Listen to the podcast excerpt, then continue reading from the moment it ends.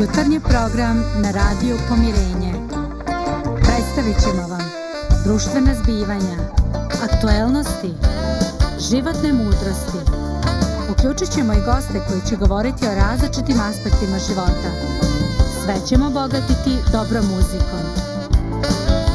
Sve to samo za vas. Jutarnji program.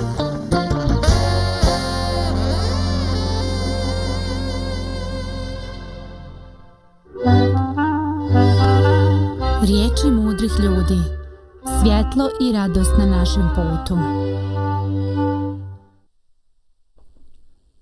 Dobro jutro, dobri ljudi. Drago mi što smo i danas zajedno. Istina zbog nekih obaveza i putovanja naš tim je malo okrnjen, ali ostali su ovi koji se ne daju, odu, koji se ne daju zbuniti. Dakle, tu je Dragana i komšija Zdravko s druge strane e, društvo malo, ali odabrano, oni koji nisu sa nama, neka im bude žao. Eto, danas govorimo o jednome pojmu koji je lijep, ali težak. Na ovim prostorima naše zemlje imaju dva ravnopravna izraza. Jedan je oprosti, a drugi halali. Koji god da je e, tipičan ili vezuje se za vaš, vaše iskustvo, e, predlažem da na početku odgledamo jedan video koji je ranije e, snimljen na Studio Reset, koji možete naći na Facebooku i na YouTube i koji bi poslužio kao uvod za naše današnje razmišljanje. E, pogledajmo i još jedan put dobrodošli u današnje druženje. Susreću se dva mlada čovjeka i onda će jedan, gdje si brate, šta imao? Ima li kakvi novosti, biznis i tako, dešava li se nešto? Onda ovaj kaže, nećeš vjerovati. Tri važne firme se i takako interesuju za mene. Koje, kaže? Pa kaže, gradska toplana, Emtel i elektrodistribucija. Vau, čoveče, šta će to biti? Da neće biti neka ponuda i to, da nećeš upasti u taj krug menedžera i tako. Kožu ima ponuda, kako da ne? Kakva? Pa kaže, ili da platim dugove od jedan put, ili da se dogovorim za reprogram. Vjerujem da je većina posjetilaca uh, kanala sa komšijom Zdravkom prepoznala da ćemo govoriti danas o onome dijelu molitve Oče naš, koji kaže oprosti nam dugove naše, kao što i mi opraštamo dužnicima svojim. Oče naš koji si na nebesima, da se sveti ime Tvoje, da dođe carstvo Tvoje, da bude volja Tvoja i na zemlji kao na nebu. Hljeb naš potrebni daj nam danas i oprosti nam dugove naše kao što i mi opraštamo dužnicima svojim. Ne uvedi nas u napast, no izbavi nas od lukavog. Amen. Mi ne želimo da imamo dugove, jer nekako to ne godi našem dostojanstvu. I mi jednostavno želimo biti u situaciji kad kažemo nikom ništa ne dugujem, slobodno spavam, nije me sram nikome pogleda u oči. Ali u životu to nije tako jednostavno i ne funkcioniše bar uvijek. Ponekad smo dužni jer smo učinili nešto loše. I ne samo da nas od ranog djetinstva uče šta je u redu, šta nije u redu, kada pogriješimo, nego jednostavno tokom života mi izgrađujemo i sobstvene kriterijume šta ide i šta ne ide. Ali osjećaj duga, griže savjesti, se ne pojavljuje samo za učinjeno dijelo. On se i tekako pojavljuje za stvari koje nismo učinili. Jer može se desiti da smo u trci, da svojoj porodici osiguramo jedan lagodan život, da platimo sve svoje račune, potrošili puno vremena, uspjeli u tvom cilju, ali možda smo svoju djecu zakinuli za neku emotivnu bliskost, za zajednički provedeno vrijeme, za neki mentalni i duhovni oslonac i bliskost sa roditeljima. I onda se kaže, nismo mogli i jedno i drugo. Jednostavno nije išlo. Osjećaj duga je naročito težak. Ako nas muči i ako se odnosi na osobe koje više nisu među nama. Dakle, na one prema kojima osjećamo da smo ih nešto zakinili, ali to više ne možemo popraviti. No postoje i mnoge situacije kad mi jednostavno shvatimo da smo iznevjerili sebe samog. I ja od danas nisam više onaj čovjek kakav sam želio juče da budem u doba svoje mladosti ili djetinstva. I onda kad razmišljamo o tom periodu koji nam se čini možda e, dobar, ali naivan, mi osjećamo da smo se iznevjerili. Jednostavno, u sukobu sa surovostima života, mi smo postali grubi. Nemamo više onako izoštrene osjećaje. Prolazimo kroz život ne videći ljepotu. I onda kažem, jeste kriv sam. Kriv sam i sebi samome, jer nisam onakav kakav sam želio biti. I tu je vrijeme da čovjek sebi postavi pitanje. Da li je mladić koji sam bio nekada, da li bi se on stidio mene kakav sam danas? No kod ljudi vjere postoji misao da ako je čovjek stvoren, onda on ima predodređenje onoga što on treba da bude. Jednostavno, postoji neki globalni cilj u kome treba da se kreće pojedinac i čovečanstvo ukupno. I onda mi kažemo, e, mi jesmo ljudi i možda možemo pronaći mnoštvo opravdanja za sebe, gledajući ljude koji su oko nas i tražeći one koji su gori od nas.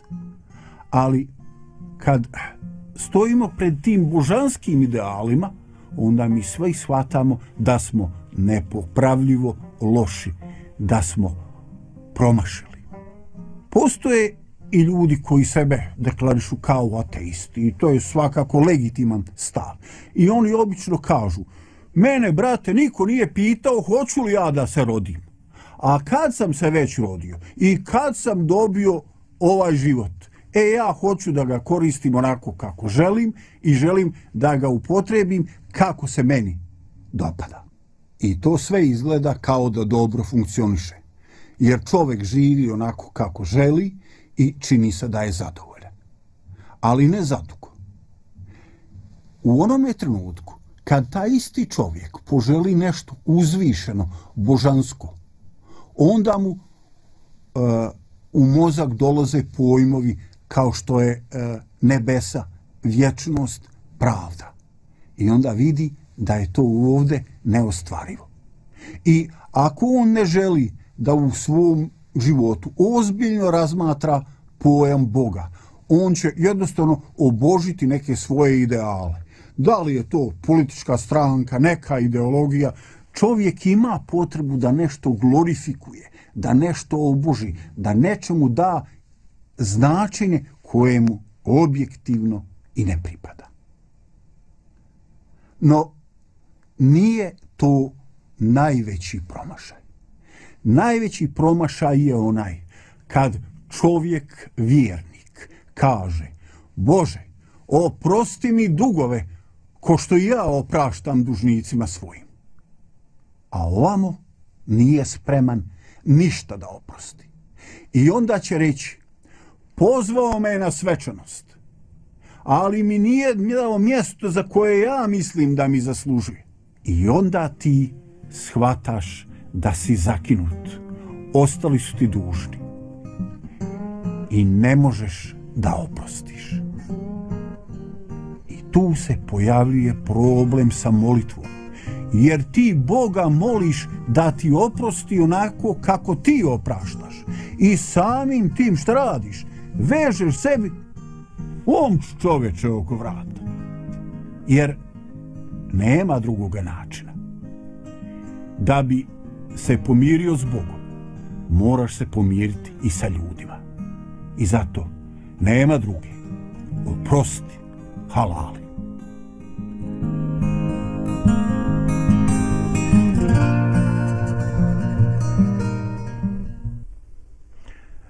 Eto, dobri moji, počeli smo o nečem što nije baš tako lako.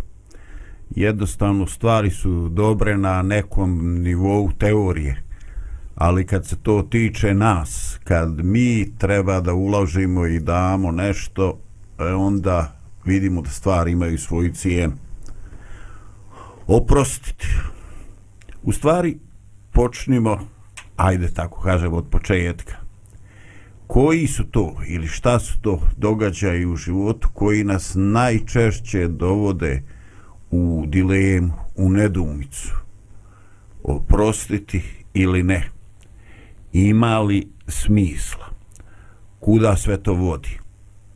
Dakle e, šta je to što nas upravo dovodi tu, u tu situaciju? Razmišljajmo malo o tome bilo da se radi o našim ličnim događajima ili se radi o nečemu što smo slušali, a ostavilo je nekog uticaja ili ostavio utisak na nas. Da li da, da još razmišljamo ili da... da još razmišljamo, da vidimo će neko nešto poslat neko dobro rješenje.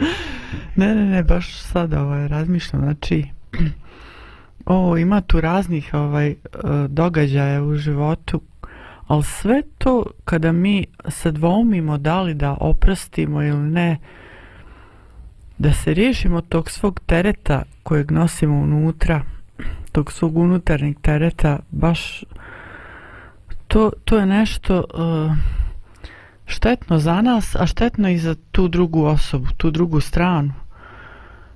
Uh, ne samo što nećemo postati bolji prijatelj sa tom stranom, nego i sa sobom smo nekako u nekoj, da kažem, svađi.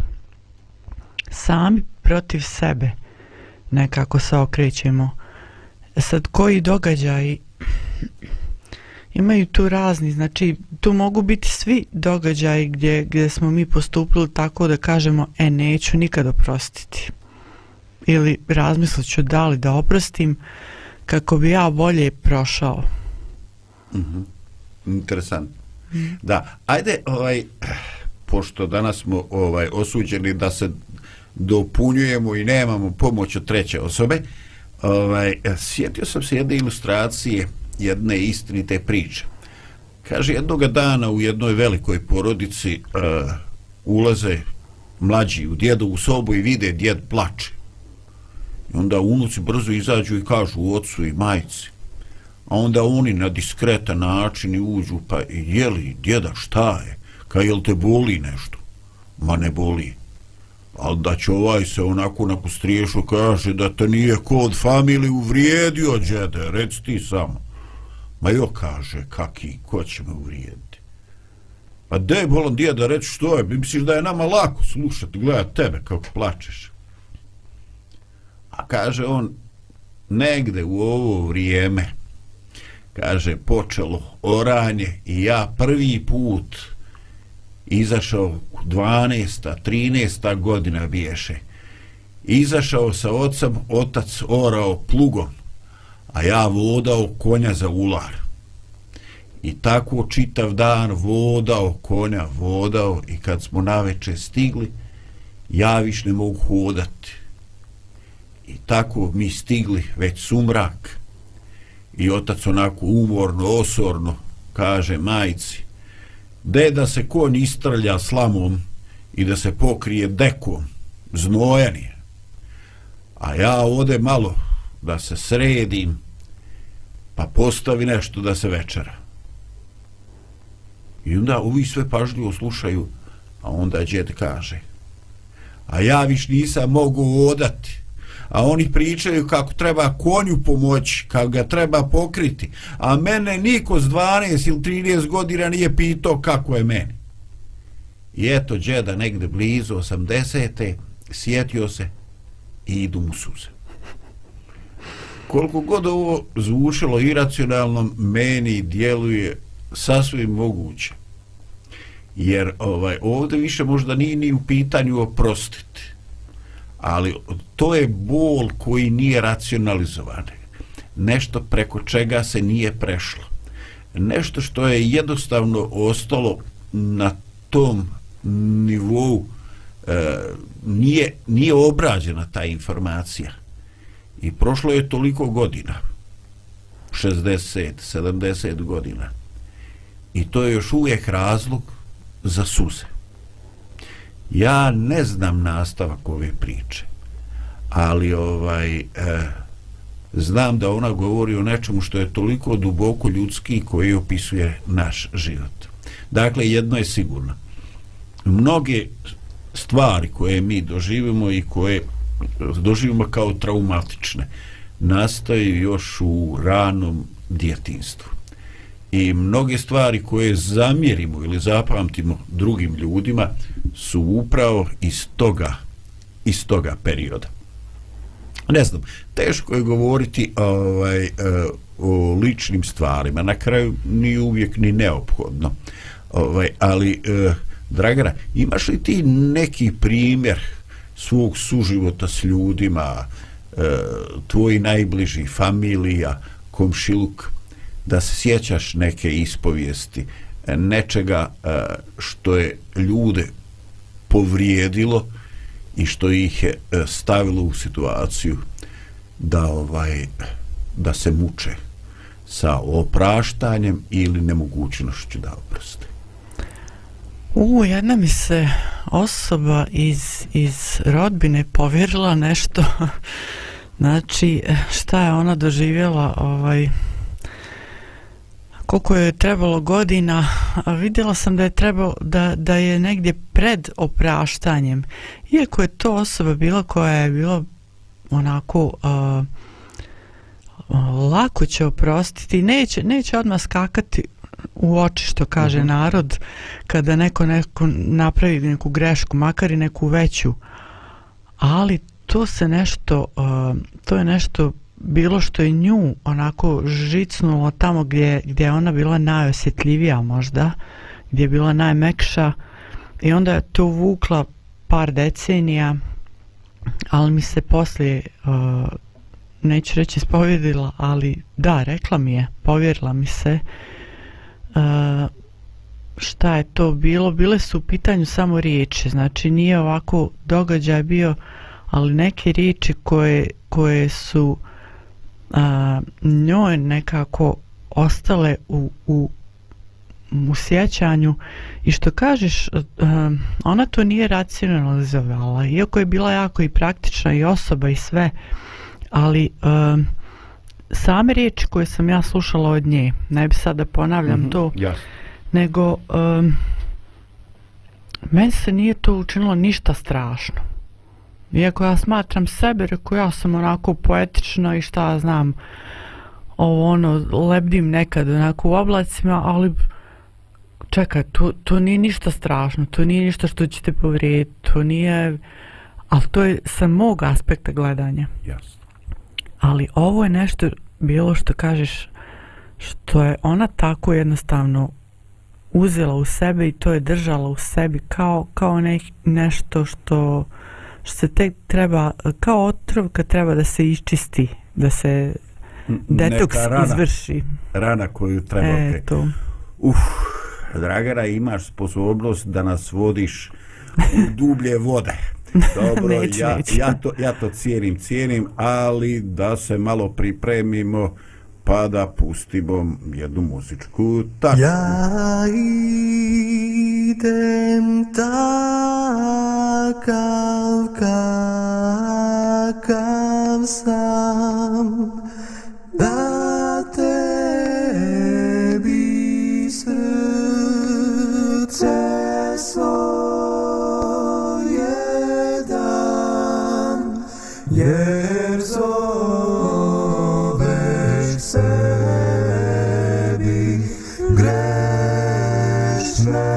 grešne sve ojanje Božje primi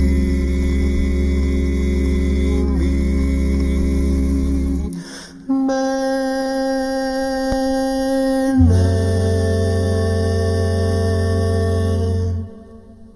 Ja znam za svoje grehe sve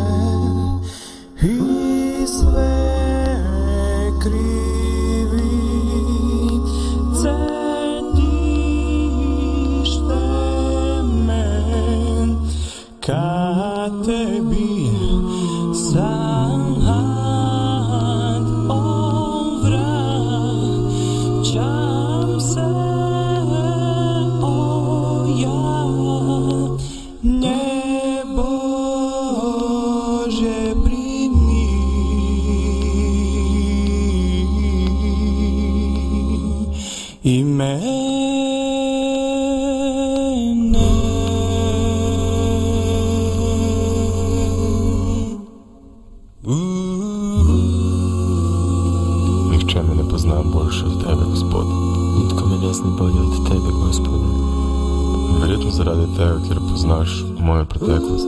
Pretpostavljam zato što znaš moju prošlost.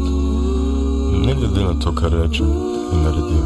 Bez obzira što kažem i učinim, Bereš moje srce golo, mrzodeto kod otprtu knjigu. čitaš moje srce golo i otkriveno kao otvorenu knjigu. Ti ne vidiš samo kdo sam, ampak tudi kakšen sam lahko. Ti ne vidiš samo tko sam, nego i kakav bih biti. Kljub mojim pomogljivostima spremaš takšne ako sam. Unatoč mojim nedostacima, prihvaćaš me onako kakav jesam. Kako ne ti rečem hvala. Kako da ti kažem hvala.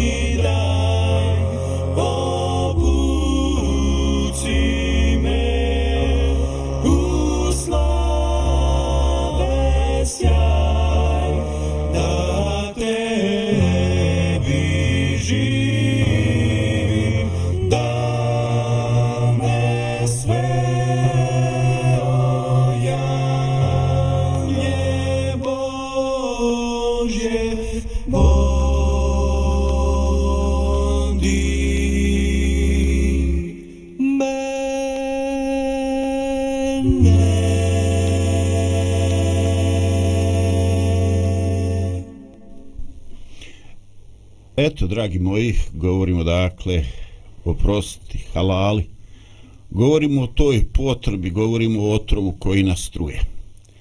E, sada bih htio da e, razmišljamo o tome kako naša odluka da pređemo preko nekih stvari, da oprostimo, ili ona suprotna, da nećemo da pređemo, da ne možemo to da progutamo, kako ona utiče na nas, na našu porodicu, na djecu, na naše zdravlje, na onu drugu stranu, na opštu, opšte raspoloženje u našoj okolini, rekao bi možda čak i u društvu.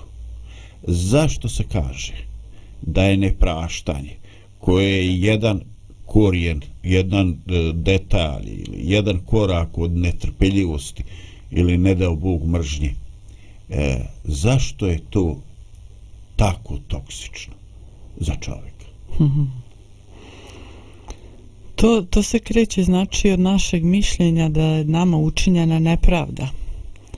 Ako smo mi, znači ta strana koja neće da oprosti, kaže pa to, to ne može tako, to, to je meni, ja sam ta koja je žrtva i ja ću odlučiti uh, e, šta će biti sa tom osobom u mojoj glavi, da li će biti u mojoj milosti ili nemilosti. Znači sve kreće od te ne, nepravde, bez obzira je li to realno ovako nepravda uh, ili, ili, smo, ili mi samo umislimo. Da, doživljaj. Ovaj, a što se tiče ovog otrova, imaju te dvije vrste otrova, znači ono što nas truje, to kad ne opraštamo. Um, jedno je znači kad se mi postavimo prema toj osobi, znači već sam rekla mi smo oni pravedni, a ta druga strana je ona baš nepravedna. Ona zaslužuje kaznu, ona zaslužuje ovo, zaslužuje, zaslužuje sve negativno, što god da je. Da, je, da li, osvetu, sve. ma sve blaže ili, ili teže, svejedno, samo uglavnom ja sam ta čista strana. I onda i opet šteta. Ako ja umišljam da sam ja potpuno čista, opet, opet i na meni šteta. A, ovaj, a druga vrsta otrova je ono što ovaj, možda naši slušalci znaju, znači ta žuč koja se spominje već ne znam nija koliko u narodu, mada to narod nije možda znao objasniti ono što se dešava u tijelu, šta se sve luči u našem tijelu, a što je štetno, što nas jede iznutra, što nam uh, želudac, ne znam, uh, O, ožučio sam. se. Ožučio sam Ožučio se, da. sam se. Jetru nam jede. Ona izraz jede mi jetru, to, to upravo je žuč. Žuč nije ni malo blaga uh, substanca, tečnost, nego jednostavno pod, pod velikim stresom ona se i više luči. Čin mi proradio, kaže od nje. A joj, pa, pa žučni kamenci, pa svašta, svašta, svašta. Znači, ali to je još kao manji, manji problem nego onaj otrov u našoj glavi kad ne opraštamo. Ali zato kad oprostimo, ja, pa kao da smo dobili krila. Ma možemo da letimo i bez krila, čovječe. Nema tog kamena nikakvog, ni žučnog, ni, ni, ni bilo kojeg u nama i drugačije gledamo na tu stranu i spremni smo njoj da, da, da pomognemo da vidi sebe u boljem svjetlu, zato što je mi vidimo u tako lijepom svjetlu. Mm -hmm. Možeš misliti kako onda utičemo na okolinu? Da. Pa ovaj e, super mi je to. Ovaj e, ponekad razmišljam o našim osjećanjima, o našim riječima, o našoj povrijeđenosti sa stanovišta da mi često nismo svjesni onih vibracija koje širimo pred našom djecom. Dakle, kad mi sa gorčinom, sa bolom, sa jedom e, pričamo o drugim ljudima, o nekim drugim porodicama i pojedincima, ponekad možda ne obraćamo pažnju na našu djecu koja e, prikupljaju te informacije i u svojim naivnim glavicama te ljude, njihove porodice, čitava prezimena, E, stavljaju na spiskove e, ljudi s kojima se možda može komunicirati ili možda ljudi koje definitivno treba staviti u krug protivnika, neprijatelja. E, tako da e, to zlo koje se ne procesuira danas, koje ne nađe načina da ljudi iskorače jedan korak u smjeru jedni drugima, truje budućnost naše djece, smanjuje im šanse da budu normalni, da budu zdravi. I postoji takle e, u tom medicinskom riječniku čitava ta plejada bolesti koje se nazivaju psihosomatske bolesti koje su jako opipljive, imaju svoje realne dijagnoze, ali ko, za koje ljekari sugerišu da im je e, početak ili makar inicijalna kapisla to naše duhovni grč na raspoloženje, e, odbojnost, nepomirenost. Evo, interesantno, pošto sam član jedne grupe na Facebooku, to nisam ja, to je moja štitnjača, kaže, štitnjača je bolest zamrznutih osjećanja. Eto, dragi moji, nemojte biti zamrznuti. Ako ne znate šta ćete, onda pjevajte. Eto, e, ne pjevam, nije vam do pjesme. Pa ajde onda, onda pjevajte. Nemojte samo neku tužnu pjesmu pa da padnete u depresiju još više. No, e, očito je da mi imamo e, da pričamo o temi koja je bitna i koja se i te kako djeluje na naš život koja nas oslobađa i nas zarobljava da pričamo o nečemu što i takako ostavlja posljedice ostaje nasledstvo budućih generacija oni koji nas slušaju no imamo još to što na ovu temu da kažemo da razmišljamo ali e, red je da sebi priuštimo i malu pauzu Thank you.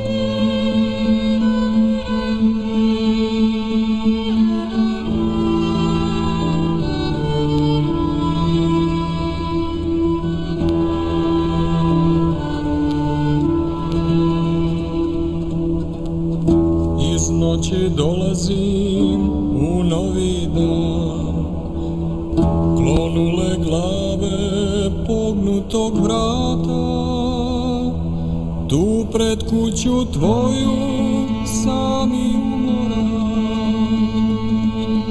Molim te otvori vrata. Molim te otvori vrata.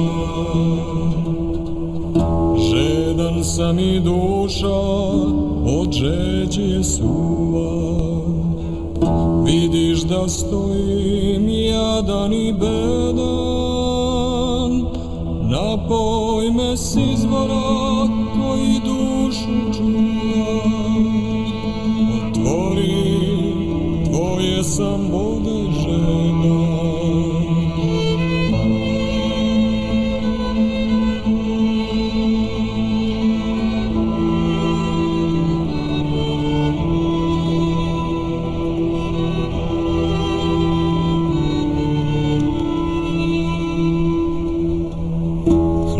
Hladno je i polje, lutaju vuci.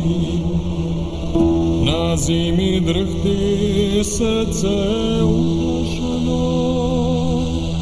Primi me i nove haline odluci. Vrati u stado i jagnje izgubljeno. Vrati u stado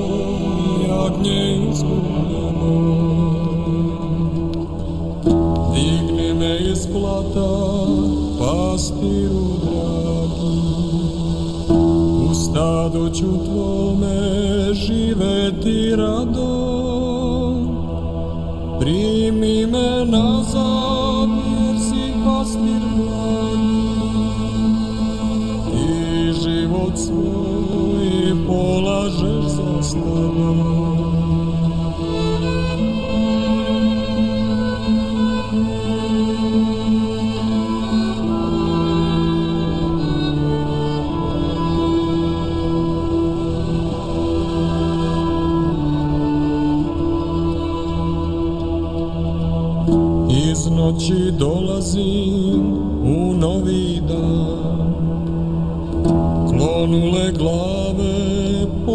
Tog vrata Tu pred kuću tvoju sami umoran Molim te, otvori vrata. Molim te, otvori vrata. Molim te,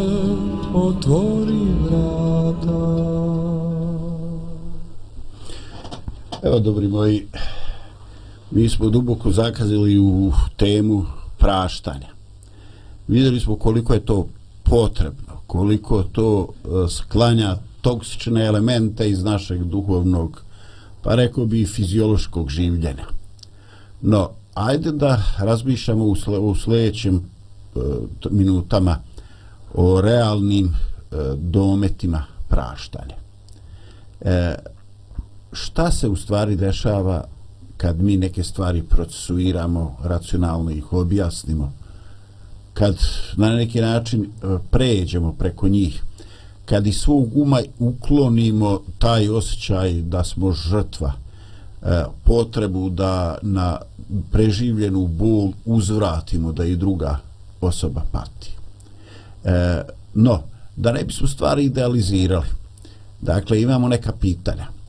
Da li oproštaj koji pojedinac dola, koji pojedinac doživi, bilo da neko oprašta nama, jer nemojmo uvijek pričati situaciju, eto, mi da opraštamo, pa i mi nekad nešto u životu uprašćamo i nama treba oproštaj. Da li taj oproštaj briše sjećana? I u, ili ako ajde zavisi kakav ćemo odgovor imati i da li on omogućava potpuni resekt tog negativnog iskustva ili to iskustvo proživljeno nanešene ili doživljene boli e, ka, šta on ostavlja u čovjeku? Kakva iskustva? Šta se jednostavno dešava s njegovom psihom i s njegovim stavovima u pogledu onoga što slijedi u pogledu budućnosti? Dakle Ja, odmah me podsjećaš i na ona stara vremena i sada ovo, znači šta god, koje god je, kako smo god tehnološki napredovali, uvijek mi ta rečenica od ljudi, znači što, što su upućivali, ja, kaže, kad bi samo mogao da mi, da mi je mozak, kao što je nekad govorio ovaj, kasetofon, pa da izbrišemo, ono, znaš, sa kasete ili sad ovo, znači, kaže, sad u kompjuteru, da mi je mozak takav, pa da izbrišem ono što ne valja u meni ovaj i, ta uh, loša sjećanja Reset ja memory. kao što bi volio to ali to nismo mi Delete duma, ja. delete je ono znači totalni znači ono što ono što želimo znači ali to nije moguće bar po mom mišljenju recimo ja mislim da mm, što se tiče opraštanja uh, to nam negdje ostaje u memoriji i služi nam kao lekcija ako, ako na zdrav način to riješimo mhm. Da. To je kao ono, ovaj, daš djetetu čekić i eksere i ovaj i ide ide tamo i zabijam to u desu u dasu. sad mislim mali majstor uživio se on i ako se ne desi ono joj šta je kaj udari u prst pa nisam trekao da tuču prst nego u eksere i onda kad dijete ovaj udari uspije ti 10 teksera i onako majstor se umorio onda mu dajete neka kliješta ili neki pajser i onda on vadi tekser. i sad ono majstor level 2 je tako? I kad on odvadi ovaj eh, ekser kaže pa jesi udario? Jes, pa jesi izvadio? Jes, pa šta sad? Pa Kao ostale rupe od eksera. Dakle eh, život nije jednostavan. Neke stvari uspijemo neka e, neki, neki ekser iz rana izvadima. ali ostanu neka sjećanja nije sve jedno koliko ćemo ružnoga preživjeti i koliko ćemo bola nanijeti. Neke stvari ostaju u iskustvu. E, meni se, Dragana, nisi ti to baš moni precizno elaborirala, ali dovoljno si rekla da mi se to dopadne. Kad, go, kad kažeš da čovjek na jedan zdrav način ta sjećana iskoristi. E, na šta si mislila kad govoriš o, o zadanoj ili, ili doživljenoj boli, u nečemu što smo ajde prešli smo pričamo ovaj sa osobom s kojim smo imali konflikt ovaj ali e, šta to sad u praksi znači da to na jedan zdrav način e, iskoristimo kao iskustvo za ubuduće O, pa to... Prvo čovjek treba da se suoči sa tim slikama iz prošlosti, da li je bliže ili dalje, svejedno, ali nešto što ga uznemirava. Nešto što misli da je on žrtva toga ili da je prošao loše, a ova druga strana nekako uopšte postoji, druga strana da je, da je nešto bolje. Uglavnom, eh, da se suočimo s time, da to eh, na jedan fin način, eh, razuman način analiziramo ako možemo i koliko možemo. Znači onako kako smo i navikli, ali najbolje uz pomoć nekoga ko će nam, ko će nam onako mudri, ko će nas mudrije voditi kroz te vode prošlosti. Znači, ako imamo prijatelja, ako imamo nekog stručnog saradnika možda čak ili slično, ali to nije opet dovoljno. I šta kad mi završimo to kao da smo završili neki seminar, odemo sa seminara i šta? Sve zaboravimo opet. Opet isti osjećaj. Opet nas isto jede. je to ono Martin u Zagreb Martin u Zagreb to sjećam iz vremena moga, moga uh, par Slično godina nešto. u Zagrebu onda su tako govorili čovjek koji doživi novo iskustvo ali ne, ne, ne utiče to baš previše bitno na njega Mm, da, da, Da, upra, nepromijenjena osoba opet. da, da, Uglavnom. džaba seminari Ma džaba to, nego jednostavno znači čovjek treba to i da prihvati i da prihvati kao dio sebe. Da, to se meni dogodilo, to sam ja bio. I da baš živi, da to u njemu, da pusti čak da to u njemu živi, da vidi kako će to. I onda kad, kad to prestane da ga peče ta slika u njemu, to, ta prošlost, kada se sjeća svih tih detalja, e onda, onda, onda može lako da prolazi kroz, kroz um, sve te, da kažem, i fizičke, um, kroz taj prostor koji, u kojem se odigrao taj ne, neki događaj uh, i slične stvari da, da ne idem sad da, du, dublje u psihologiju. da, bez da ga rasture i asocijacije na ali uglavnom nema onog osjećaja kao da je, da je neko sipao lavu u njega pa ga rastura onako iznutra. Da. Ali ovaj to jednostavno treba se i suočiti, prihvatiti i živjeti sa tim kao dijelom sebe. To ono što ja često ponavljam, e, moj dijete, da si ti slušao babu, ne bi ti danas coaching majstor trebao. Da, ovaj, pitanje, pitanje e, koliko susret sa izvorom, izvorima, ili sa sredinom, ili sa mjestima gdje smo doživjeli nešto neprijatno, izaziva asocijacije i koliko to još destruktivno djeluje u našim srcima. Naravno, ovaj, e, sve je to onako e, liči na, na jednu teoriju, na priču, ovaj, ali je sve mnogo teže ako govorimo o ljudi koji su e, doživjeli neka traumatična stvari u vremenu sukoba, rata, što kažu naši stari, koga želi u kući mu bio. Ovaj, tako da e, stvarno e, ono što osjećam kao potrebu da kažem, a to je ima na ovim našim prostorima jedan problem čest, a to je da se ljudi e, srame reći da im treba stručna pomoć. Ovaj, da, postoje e, neke, e, neki problemi u koje je jako upitno ono što ti, Dragana, kažeš. Potražiti pomoć profesionalca koji će nas tako pažljivo odvesti od jedne do druge tačke mentalnog zaključivanja. Da se mi možemo sresti i da možemo e, racionalizovati E, stvari koje su nam se desila da jednostavno možemo produžiti život bez nepotrebne i suvišnje patnje. Eto, ali da ne bude previše, ajde malo i duhovnog opuštanja. Slušate Adventistički radio Pomirenje.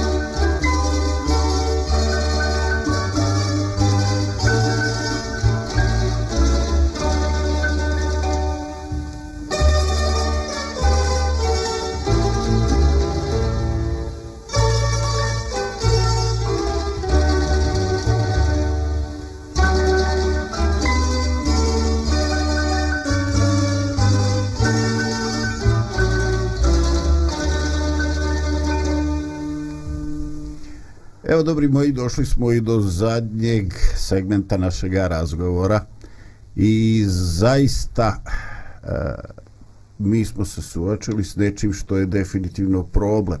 Problem života, preživljavanja, problem budućnosti, problem nasledstva koje ostavljamo kao zlo i negativno nasledstvo našem djeci. Mržnja, nepraštanje, loša osjećanja.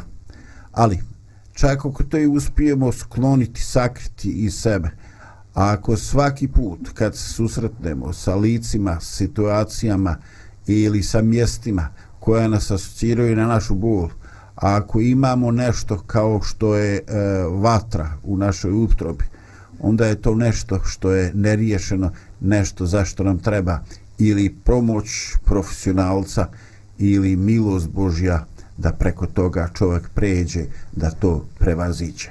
Znam, ne pričam o laganim stvarima, ali, Bože moj, da su uobičajene, da su lagane, pa ne bi mi kao radio pomirenje ni uzmali tu temu, je tako? Logično. E, htio bi da postavim na kraju još jedno pitanje.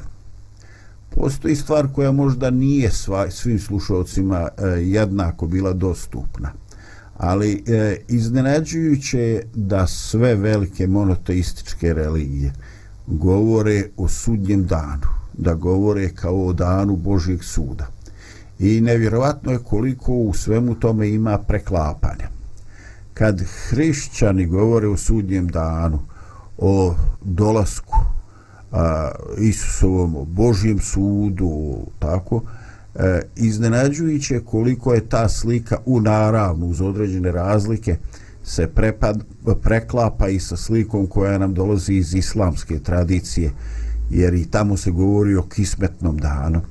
I ne samo to govori se o poslaniku Meshis Isu Hristu koji je gospodar sudnjega dana. Ponekad čak kao čovjek pomišljam da su neke informacije uh, E, na neki način na našim prostorima e, cenzurisane. Da je manji broj ljudi došao do njih i s jedne i s druge strane s kojim razlogom? Ne znam. A ako je razlog u tome da budemo udaljeni jedni od drugih onda je to neko grijeh. I ako dolazi taj sudnji dan onda će neko platiti za taj grijeh. Zašto se ispred očiju ljudi sklanja ono što ih približava? A ispred njihovi očiju se stavlja ono što je možda realno, ali što ih udaljuje. Dakle, ako je Bog sudija, a ako će svačije dijelo, svačija patnja i svačija povrijeđenost na kraju doći pred nekoga ko je nepotkupljiv, a ako ništa neće pomoći tvoja financijska situacija u kojoj ti možeš angažovati najbolje advokata, a ako ništa neće štetiti što ti ne samo nemaš podršku nemaš nikoga da se za tebe zauzme nego ne znaš brate ni kazati nisi riječiti ne znaš ni reći spomenuti objasniti svoju bol. Neko ko vidi tvoje srce će jednostavno uzeti taj argument u onome što je završnica i što je e, tako jako slično, kažem, u svim monoteističkim religijama i u, svim veli, u, i u sve tri velike konfesije u Bosni i Hercegovini. Dakle, valja nam se suočiti sa sudom Božim. Kako to djeluje? Dragana, imaš li potrebu da kažeš mhm. nešto na ovo ili ćeš prečutati? Ne mogu prečutati. Da, Mislim, do, mogu i prečutati, do, ali, ali ne daš. šteta mi šteta. nekako, zato što mi je izazvalo da. lijep osjećaj, vjerova ili, nje, ili da. ne. Sad ne mogu reći, nemoj priča, nemoj da trune u tebi, znači, lijepi osjećaj neće da trune. Oprostit ću ti sve, ali da, da, aj, pucaj. pa ne, ovaj, podsjetilo me, znači, prvo na ovo što i ljudi koji ne, ne vjeruju Boga i ne znaju Boga, znači, mislim, i ne žele da se informišu o Bogu, znači, uh, u svima nama nema tog čovjeka koji jednostavno nema neku odbojnost kada se uh, manju ili veću, znači, kad, kad se spomene ta, ta riječ uh, sud ili prosuđivanje, Znači to neko vaganje, a ovdje je u pitanju vaganje ličnosti. Šta ima zlo, šta ima dobro u tebi.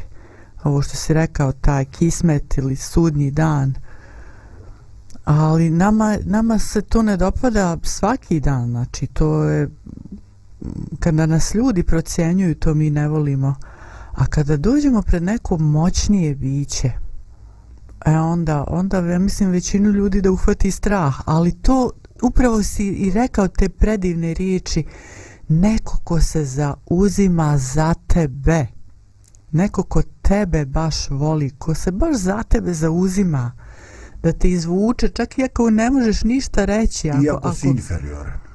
Ako si, ako si, hmm, šta god da može da pronađe u tebi dobro, nešto što se, što se, što se uh, veže za njega, on će, on će ali, ali ništa bez tvoje odluke, znači neće on nasilu osuđivati. Ako, ako si ti inferioran, ako želiš da budeš na toj strani, nećete, ali želi ti sada već pomoći. Kad dođe taj sudnji dan, ne znam kako će izgledati, evo iskreno kažem pred, pred onima svima koji nas slušaju, nemam pojma kako će to izgledati, ali sada ono što znam jeste da da je Bog biće koje je meni blisko, pred kojim ja nemam nikakvu odbojnost uh, eh, i kad je u pitanju vaganje moje ličnosti i otkrivanje najmanjih djelića, mogu se totalno otkriti pred njim i uopšte mi nije sramota, nije me strah, ništa, ništa negativno nemam. Hvala ti.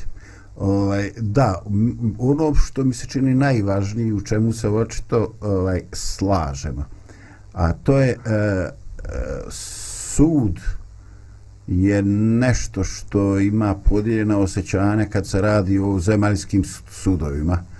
Ovaj, mi imamo pravu i pravičnost.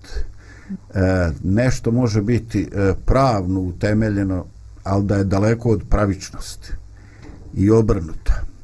Dakle, e, puno toga što se dešava, pogotovo malim ljudima na zemlji, dok traže svoju pravdu, e, ili što bi rekao književni sluga, Jevrej, jerej i njegova pravo, e, zaista je negativno iskustvo. I mi često ne uspijevamo da ostvarimo ono što nam pripada, svoja prava, čak i ako nam se čini e, da je e, da je na našoj strani zakon, da imamo sva prava, ona su nedostižna. E, mene fascinira ta tvoja riječ, neko ko će e, pronaći ono što je dobro u tebi, što ga neće zanijekati, što će jednostavno vidjeti tu suzu e, nemoćni. I vidite, zato u Svetove pismu postoji onaj predivana sugestija u kojoj se kaže nemoj praviti nepravdu siročetu udovici. Čuvaj se da ne praviš zlo onome ko se ne može uhvatiti u duel s tobom, ko ne može ući u ravnopravni dvoboj. Jer čoveče, dok ti se osjećaš moćan pred bespomoćnošću nekoga ljudskoga bića, zapamti da ima Bog, Allah, kako god hoćeš na nebu, koji će prepoznati tvoje dijelo i koji će reći nije mi milo. I najmanje u životu što ti treba a to je da radiš stvari koje njemu nisu mile. Eto e, očito je ove moje zadnje riječi e, možda su ovako ovaj, djelovale kao upozorenje pa ako je to vamo stvarno djelovalo kao upozorenje eto meni je drago tome i služi ova naša priča i ovaj naš radio. I na kraju, dok privodimo našu emisiju, e, pročitaću za razmišljanje kratki tes, tekst iz Svetoga pisma, a radi se o poslanici Rimljanima Svetoga apostola Pavla iz 12. glave. E, I ona zvuči ovako. Ne osvećujte se za sebe ljubazni, nego podajte mjesto gnjevu. Jer stoji napisano moja je osveta, ja ću vratiti, govori gospod. Ako je glakle gladan, neprijatelj tvoj nahrani ga. Ako je žedan, napoj ga, jer čineći to, ugljevlje ognjeno skupljaš na glavu njegovu. Ne daj se zlu nadvladati, nego nadvladaj zlo dobri. Poput ceste što prolazi kroz rasvjetana polja I to polako nestaje. Vidim samo tvoje tijelo. Tako je, tako je. Tako je. Tako je.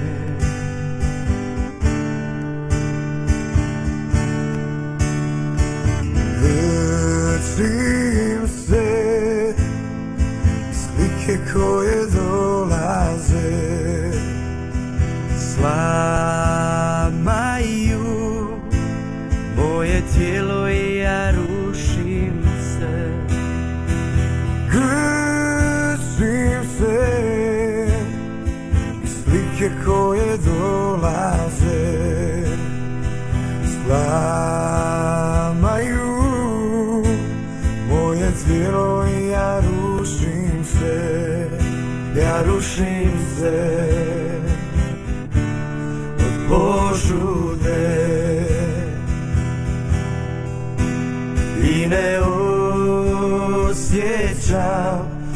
da više.